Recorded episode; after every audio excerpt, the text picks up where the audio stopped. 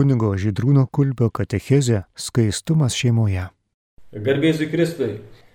Mėly Marijos radijo klausytojai, šiandien esu pakviestas pakalbėti skaistumo tema, kas tai yra skaistumas, kaip jisai pasireiškia nesusituokusių gyvenime, taip pat ir santokinėme gyvenime. Tai nelengva tema, reikia pasakyti iš pat pradžių, ypatingai kunigui. Tikiuosi jūsų supratimu ir atlaidumu, jeigu kas truputėlį tenai ar ne tai būtų, ar mažiau aišku. Taigi, skaistumas. Kaip galėtume būtų apibūdinti trumpai skaistumo dorybę? Na tai skaistumas tai yra mūsų žmogiškojo lytiškumo pajungimas meiliai. Arba dar kitaip sakant, to lytiškumo pajungimas Dievo tvarkai.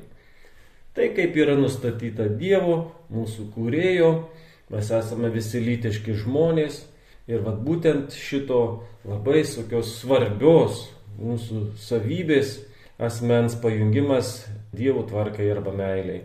Na, atsimenu, turėjau vieną pokalbį čia truputėlį studijų laikais su šeima, kuri, na, tiesiog dar ne šeima, bet jie nori tuoktis, ruošiasi santukai. Ir aš paklausiau jų, jų mes diskutavome būtent tenai tokį tyrimą darėm. Sakau, kaip jums atrodo, ar Dievui įdomu, ką su toktiniai daro lovoje?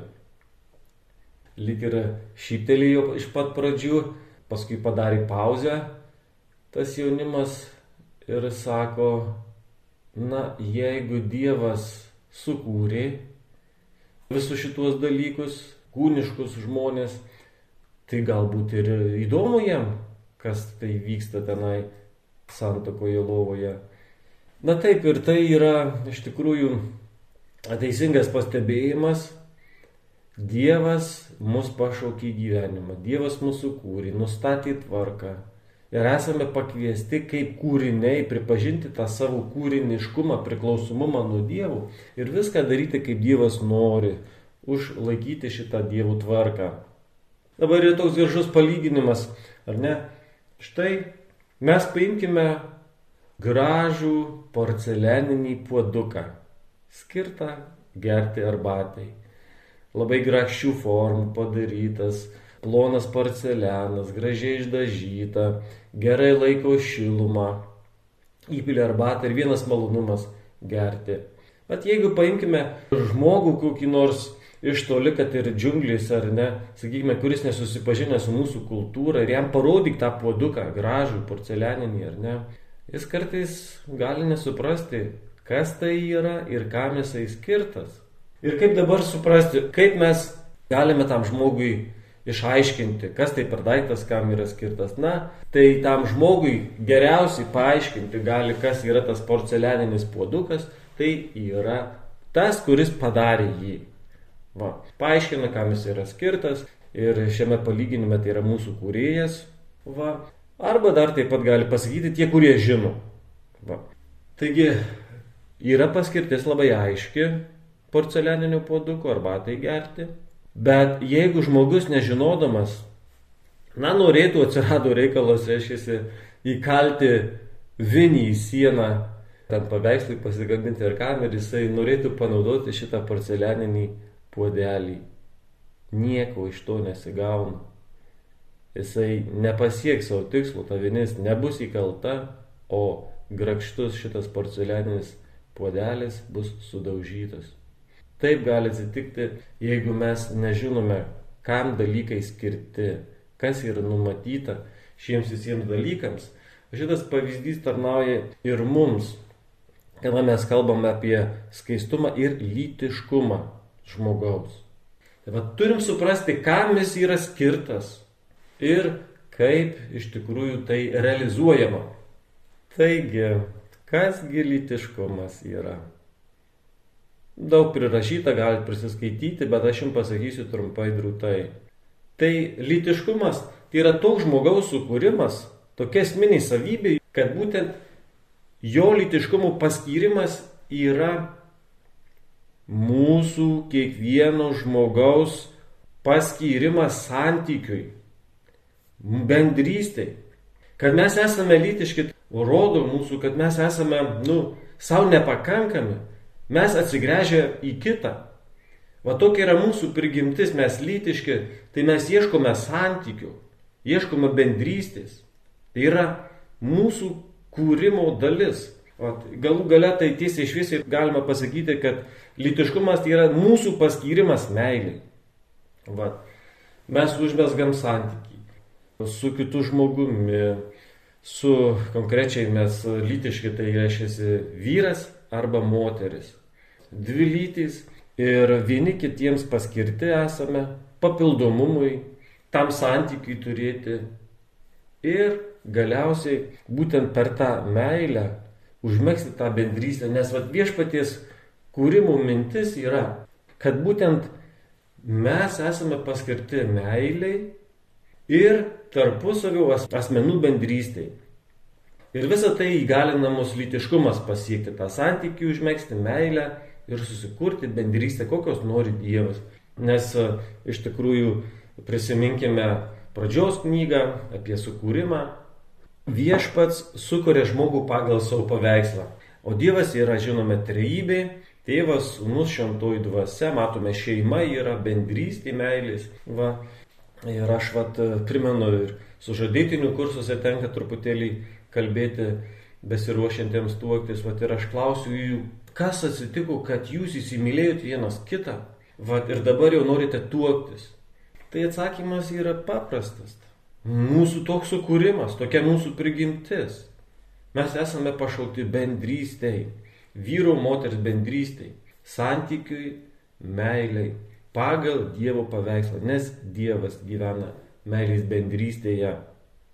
Vat, ir būtent per tą lytišką skirtingumą vyro moters papildome, apdovanojame vienas kitą toje asmenų bendrystėje kuri yra paremta meilė. Nu vėl apie meilę kalbame. Kas tai yra meilė? O apie meilę galima labai daug kalbėti, daug prirašyto knygų, ten pasiskaitysite, visą gyvenimą ieškome šitų atsakymų, bet e, pateiksiu tiesiog tą meilės apibūdinimą, kurį randame šventajame rašte. Tai įdomus dalykas dar prisiminiau teko vat kalidojant, lankyti vieno kaimo tikinčiuosius Ir tame kaime buvo pradinė mokykla ir mokytoja pakvietė mane, kad užeičiau, pasisveikinčiau su vaikais. Tai vat ir užėjau. Ir mes kalbėjomės, vaikai turėjo begalę klausimų man, aš jiems atsakinėjau ir galiausiai pavargau aš nuo tų klausimų smalsių vaikų. Atsisėdau ir sakau, dabar aš klausiu. Galvoju, ką čia jų paklausti, kokį šmaištų klausimą ir aš tokį gana, Dievas davė tokią gerą mintį, Sakau, paklausiau vaikų tokių dalykų. Vaikai, sakau, kas yra žmogaus gyvenime svarbiausia? Tai e, buvo pirma, antra klasės toje mokykloje. Ir žinokit, nepraėjo nei kažkiek laiko, iš karto žiūrau, iš galo jau ranka kyla. Berniukas jau turi atsakymą. Ir mane labai nustebino, koks teisingas jo atsakymas buvo. Jisai sako, žmogaus gyvenime yra svarbiausia meilė. Nieko kito negalime papildyti, nieko galime pasakyti, tai yra esmė žmogaus gyvenime. Viską turėjai, bet jeigu meilės trūks, žmogaus gyvenimas tuščias. Taigi, vat, kalbėdami apie meilę, turim suprasti, kad tai yra pats svarbiausias dalykas žmogaus gyvenime. Ne, ir aiškindamisi, kas tai yra meilė, tai prisimename šventą įraštą, kad e, apaštalas Jonas savo laiške sako, kad Dievas yra meilė. Jeigu yra Dievas meilė, tai jisai turi pats mums atskleisti, kasgi yra ta meilė. Taip kaip Dievas mato, žino, ne mes išsigalvojame, žinai, ne mes ten dainuose visokių temų apsiklausom apie tą meilę, ar ten visokių filosofijų, bet pagal Dievą, kas tai yra meilė. Atsakymas irgi Jėzaus asmenyje mes matome. Tai yra meiliai savęs padovanojimas tam, kurį tu myli. Tas ryškiausiai atsiskleidžia Jėzaus kryžiuje. Jis mus myli, jis mums nori gerovės, mus nori, kad gyventumėm žinai, kad būtų nuplautos mūsų nuodėmės. Vat, ir jisai iš meilės mums atiduoda save. Savo gyvenimą kaip auką, kuri mus nuteisina su Dievu. Vat ir mes čia matome tą būtent meilės apibrėžimą. Padovanoti save tam, kurį tu myli, kurį sakai, kad aš tave myliu, tai reiškia save atiduoti tam, padovanoti visapusiškai, laisvai atiduoti save, tai yra meilė savęs padovanojimas tam, kurį tu myli. Taigi, mylėjai, taip e, reiškia būtent tokiai meiliai, kaip savęs dovanojimui, mus įgalina ir tas lytiškumas, žmogiškasis tas sukūrimo svarbus elementas. Taigi, esame sukurti meiliai, santykiai ir bendrystėjai. Ir vad būtent skaistumas tuo reiškia, kad Savo tą mūsų lytiškumą pajungiam meiliai Dievo tvarkai. Taigi ir pakalbėkime būtent dabar apie tai, kaip tas skaistumas gali reikštis nesusituokusio gyvenime pirmiausia, toliau paimsime ir susituokusių gyvenime. Na kągi, pirmiausia, tai reikia jau šiais laikais paminėti tokį dalyką, na tiesiog pripažinti savo lytinį identitetą, ar ne? Yra tik tai dvi lytys. Jau dabar šiais laikais reikia tą pasakyti ir akcentuoti. Tik tai vyras ir moteris, nėra kitų lyčių. Žmogus gimsta arba vyras, arba moteris. Ne, ir įrašoma iš karto vat, į tą, koks yra lytinis identitetas. Na, ir dabar kaip kalbama, kad galima bėgant laikui lytį pasirinkti, tai yra kažkoks socialinis konstruktas, tai yra klaida. Tai vat, e, tas pripažinimas savo tikro identiteto pagal biologinę lytį, tai vat ir yra pirmas dalykas toksai, galima būtų pasakyti, na pavyzdžiui, jeigu žmogus e, būdamas e, berniukas, mergaitė, vyras, moteris, vat, jaučiasi, na, kitaip, ar nesakykime, ne taip, kokia yra biologinė lytis žmogaus, nu tai čia kažkas jau yra, nu, kažkoks tai sutrikimas, sakykime, ar kaip čia taip švelniau pasakyti, va, kad vienas žmogus sako, jeigu žmogus jaučiasi Napoleonas, būdamas paprastas lietuvis, nu, tai reikia žmogui truputėlį padėti, susivokti, dar ką nors, žinot, biskį pagydyti gal žmogų. Tai taip ir čia, jeigu žmogus jaučiasi kitoks negu jo biologinė lytis, tai labai gaila. Labai liūdna iš, tai, iš tikrųjų, kad tokie dalykai yra ir reikia padėti žmogui. Dievas saugo, kad e, negalima jokių ten tų chirurginių operacijų ten suluošinti neatšaukiamai žmogų. Tai va tas dalykas nepriimtinas yra. Na, toliau, žinot, ką reikėtų pabrėžti irgi, žinot, va, didžioji rykštė yra tokia nelaimė šio laikinių žmogaus, tai yra pornografija. Didelė iš tikrųjų problema, tai yra žinom, kas tai yra ir, vat, ir nesusituokę žmonės turėtų susilaikyti nuo tokių negražių vaizdų žiūrėjimo, nuogybių, ar ten tų romanų skaitimų, kur aprašyti visokios scenos. Tai nesiderina su skaistumu. Va, nes, nu kokia pornografijos yra ta blogybė. Žinot, kad tai yra, vat, kai mes esame žmonės, pagal dieviškąją tvarką sukurti mylėti vienas kitą. Neišnaudoti, bet mylėti. Va, nesudaiktinti žmogaus. Niekada negalima daiktų laikyti. Tai yra vertybė savyje žmogus. Va, dievas sukurdama žmogų norėjo jo pačio dėl jo paties, ne dėl kažkokios tai naudos. Bet tai yra žmogus sukurtas unikalus, kilnus, Ir visa tai, kas vaizduojama toje pornografijoje, tai yra, na tiesiog trumpai drūtai, tai yra žmogaus sudaiktinimas, kad kažkokį tai malonumą patirti kaip daiktas man nesvarbus, man svarbiausia tai yra žiūrėti ir gauti tą malonumą, pasitenkinimą ir tai yra sudaiktinimas. O kiekvienas žmogus yra pašauktas būti mylimas kilnumą užlaikyti. Tai pornografija visiškai nesiderina su skaistumu, nes e, būtent ir čia prasideda didžiosios problemos. Tai ir jeigu žmogus pasiduoda tiems nešvankiems vaizdams, mąstymams, ką per pornografiją arba per tuos visus romanus aprašymus, žmogus tai įsimasto, eina, tada jau ir veiksmai gali eiti. Čia turima masturbacija, omenyje, žinot, tai irgi yra sunkus skaistumo pažeidimas nesusituokusių. Toliau vėl mes e, einame prie to, kaip kita problema - nesantokinis seksas, kada žmonės, vyras ir moteris nesusituokia ir vat lytiškai santykiauja irgi tas yra nepriimtina. A kodėl nepriimtina? Vėl einam iš to taško, iš meilės, iš pagarbos vienas kitam. Mes esame vyras, moteris pašaukti gyventi santokinėje bendrystėje. Vat. Kada jau apima tą lytinę išraišką, tai tik tai santokos kontekste gali būti ta lytinė vienybė tarp vyro ir moters, tik tai santokos kontekste. Nes būtent mes esame ne tik tai kūnai, žmogus, bet ir dvasia.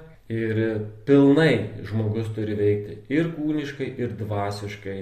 Vat. Ir, pavyzdžiui, va, ta kūniška išraiška, tas lytinis aktas, sakykime, ar ne, tai jis turi būti išraiška, tik antrasis žingsnis, o ne pirmojo žingsnio. Tai yra, o pirmasis tai yra pirmiausia, reikia pasirinkti, įsipareigoti už vienas kitą, sudaryti tą meilės asmenų bendrystę ne ką mes padarom per santokos sakramentą. Ir tik tada žmogus gauna teisę išreikšti kūniškai šitą vienybę santokoje. Dėl nesantokinės seksas yra visiškai neprimtinas ir sunkus skaistumo pažeidimas. Aišku, vėl reiktų pasakyti, homoseksualiniai santykiai tai čia iš vis yra ne tik neprimtini skaistumai, bet ir netgi prieš prigimtį eina.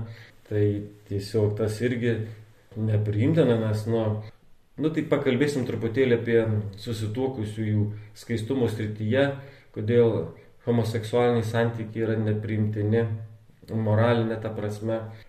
Aišku, taip pat reikėtų paminėti, kad nesusituokusiųjų skaistumui taip pat priklauso ir gražus bendravimas, draugavimas su kitos lyties žmonėmis.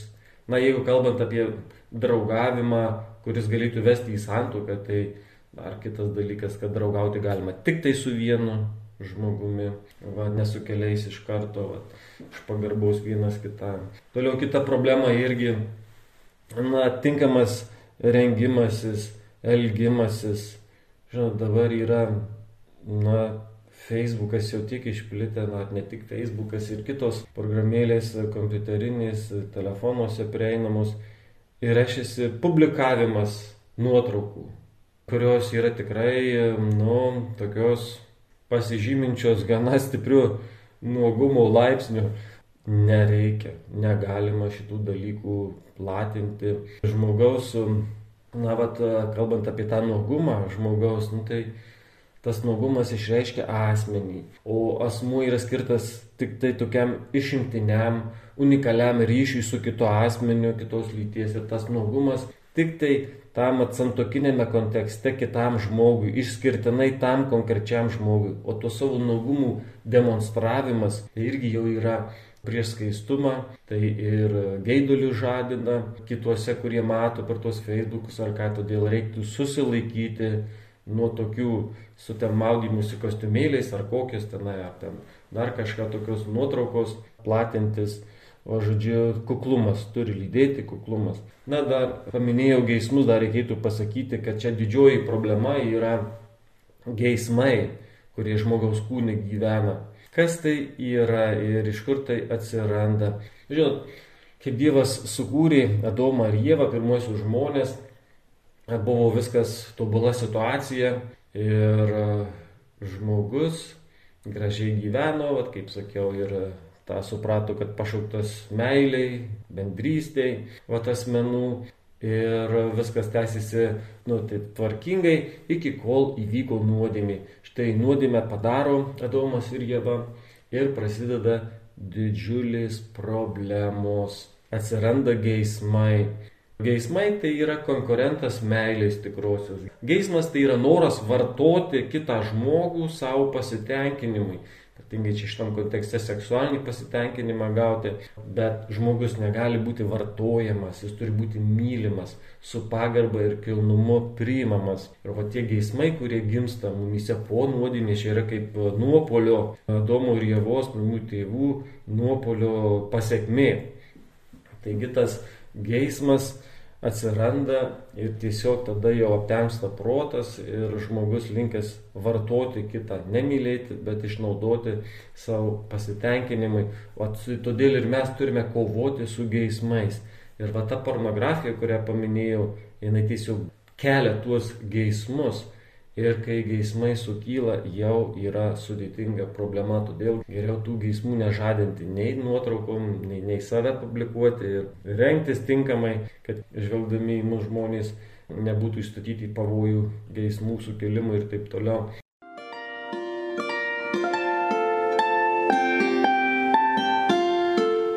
Jūs girdite Marijos radiją.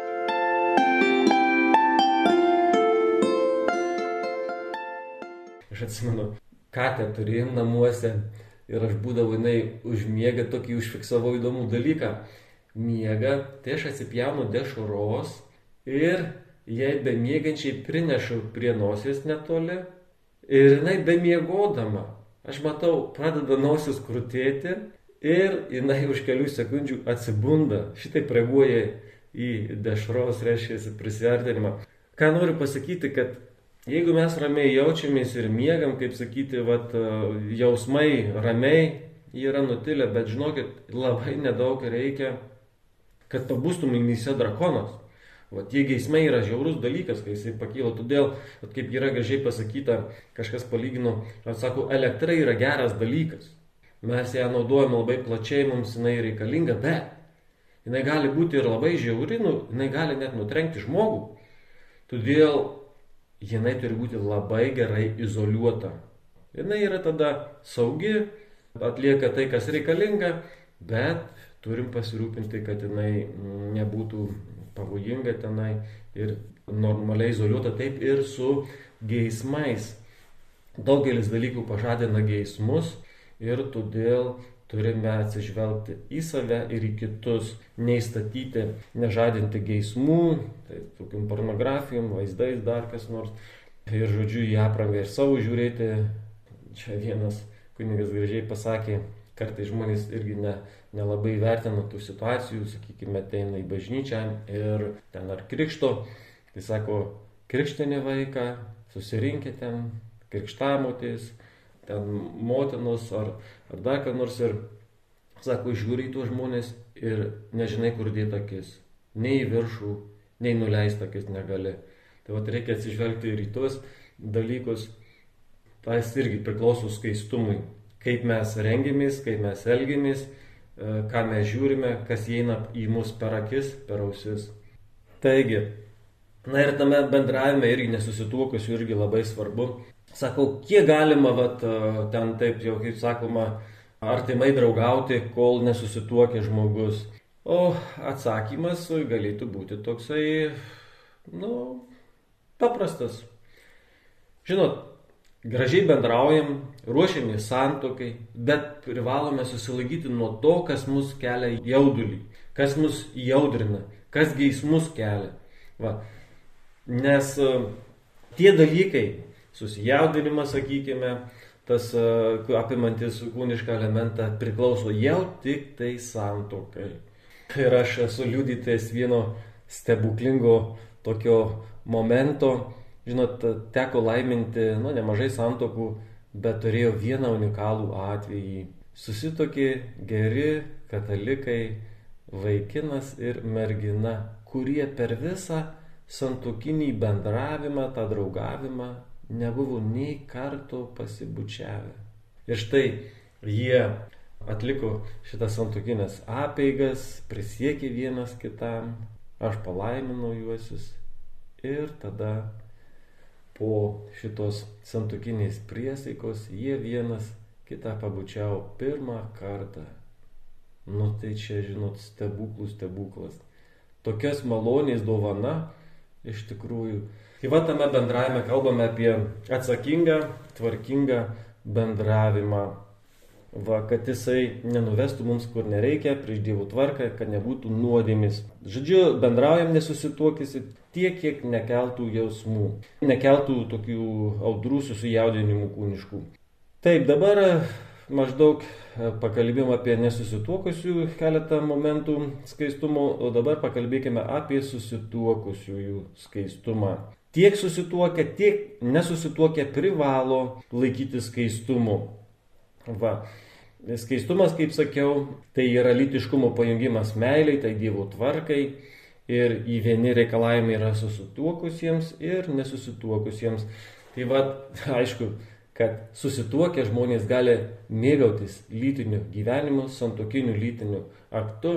Tai yra nuostabu Dievo norėta, tai Dievo palaima ir per tai ateina nuostabios dovanos, gimsta vaikai, tokia yra Dievo valia, nes vat, Dievas yra meilė ir jų meilė yra vaisinga, taip ir jo kūrinių, žmonių, taip pat meilė yra vaisinga, tai yra nuostabu, tai Dievo norėta, lytinis švelnumas ir meilė santokinė yra nuostabi Dievo palaima. Tik e, viskas turi vykti pagal Dievo nustatytą tvarką. Na, tai ir pakalbėkime, kokie tie momentai, kai kurie aišku visko neapžvelgsime, bet momentus, kai kuriuos. Na, tai gal toksai ryškiausias, aš nežinau, bet e, man taip atrodo, kad ryškiausia problema gali būti su skaistumu susituokusių, tai yra kontracepcijos naudojimas įvairiausios tame santokinėme akte. Nežinau, gal net kai kurie žmonės ir nežino, kad visokių kontraceptikų naudojimas santokoje yra sunkus skaistumo pažeidimas. Kodėl? Todėl, kad, na, kas yra kontracepcija? Tai yra bet kokios priemonės, veiksmai, ką žmonės daro, vyras ir moteris santokoje, kad padarytų būtent tą natūraliai lytinį aktą vaisingą, nevaisingu kad nebūtų prasidėjimo naujos gyvybės, visos manipulacijos, visokie tenai barjerinės priemonės ir visa kita. Tai būna hormoniniai kontracepcija, visokios piliulės, spiralės, būna prezervatyvai, ten nutrauktas lytinis aktas, visokių dalykų gali būti. Žodžiu, ką žmogus bedarytų, kad neįvyktų gyvybės pradėjimas santokinėme lytinėme akte, tai jau yra kontracepcija ir šitas um, skaistumo pažeidimas, nes viešpas taip nustatė, kad vat, to lytinio akto tiesa ar ne, tai yra dviejopa, būtent vienyti žmonės, vyrai ir moteriai, ir būtent nešti gyvybę, nes vat, būtent taip Dievas nustatė, kad ta meilė vaisinga. Ir va šitie du dalykai turi kartu būti tame kiekviename lytinėme akte. Atvirumas naujai gyvybei ir vienybei asmenų. Ir jeigu žmogus manipuliuoja šitais dalykais, jau yra sunkus artimų ir meilės ir skaistumų pažeidimas.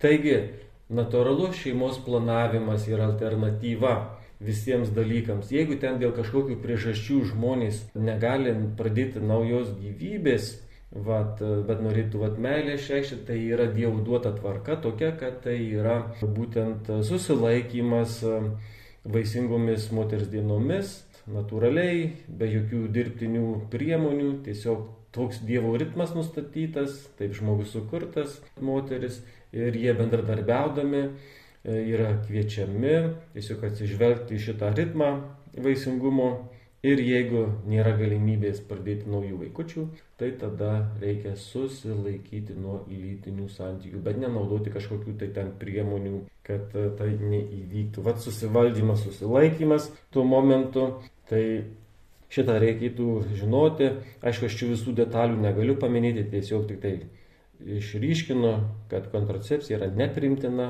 santokoje, o būtent natūralus šeimos planavimas yra tas Dievo kelias, kuriam esate kviečiami santokoje. Aš nežinau, šitos dalykus gal nedaug kas pasakoja, turbūt bažnyčiai per pamokslus nedažnai girdi apie kontracepciją, kalbant moralinį vertinimą josios, bet aš pasidalinsiu savo patirtimi, kadangi pats šiek tiek studijavau toje srityje, kūno teologiją ir tarnaudamas vienoj parapijoje, ten buvo kažkokia proga, nežinau, ar ten humanėvytė, ar kažkokia ten sukaktis buvo ir norėjau paminėti keletą dalykų. Jaunų šeimų yra, sekmadieniais ateina, taip nedrasiai, nu, tiesiog nedrasu tokiam temom kalbėtis. Ir pasitariau su vyresniu kunigu, ar galima tokias temas iškelti, paliesti pamokslo metu. Jis sako, bandyk. Na, iš tikrųjų, mano patirtis, kad pasidalinau apie kontracepcijos amoralumą, neprimtinumą ir kągi. Ir paskui po kurio laiko aš sulaukiau išpažinčių, kad žmonės um, naudoja tas, tas priemonės neprimtinas su skaistumu santokiniu. Tai vadinasi, reikia apie tai kalbėti, liūdyti, kad žmonės žinotų, kad jie yra pašaukti tikrai meiliai, tai vienybei, atvirumai gyvybei vat, ir ieškoti kaip šitoje srityje šitos dalykus išspręsti. Tai vat, reikėtų žinoti, pagarsinti, kaip jau išeina gražiai, švelniai, tinkamai, bet sutoktiniai turi žinoti, kad tie dalykai neprimtini ir žmonės pašaukti gyventi natūraliu šeimos planavimu, apie kurį galite plačiau pasidomėti, rasti šeimos centruose, dar kur nors aš jau čia negaliu nieko aiškinti. Kitas dalykas susituokusių skaistumui tai irgi yra aišku pornografija, tai vengtina ir neprimtina absoliučiai, kaip ir kalbėjom apie nesusituokusių, tai yra, tai geismų žadina, žmogaus sudaitinimu grėsia, kuri veda į veiksmus ir, sakykime, ten ir masturbacijos, ar ten koks dar ir analinis seksas, dar kiti dalykai, tai yra dalykai neprimtini. Toliau svetimavimas, Svetimams tai yra lytiniai santykiai su žmogumi, kuris nėra tavo sutuoktinis sutuoktiniai. Va.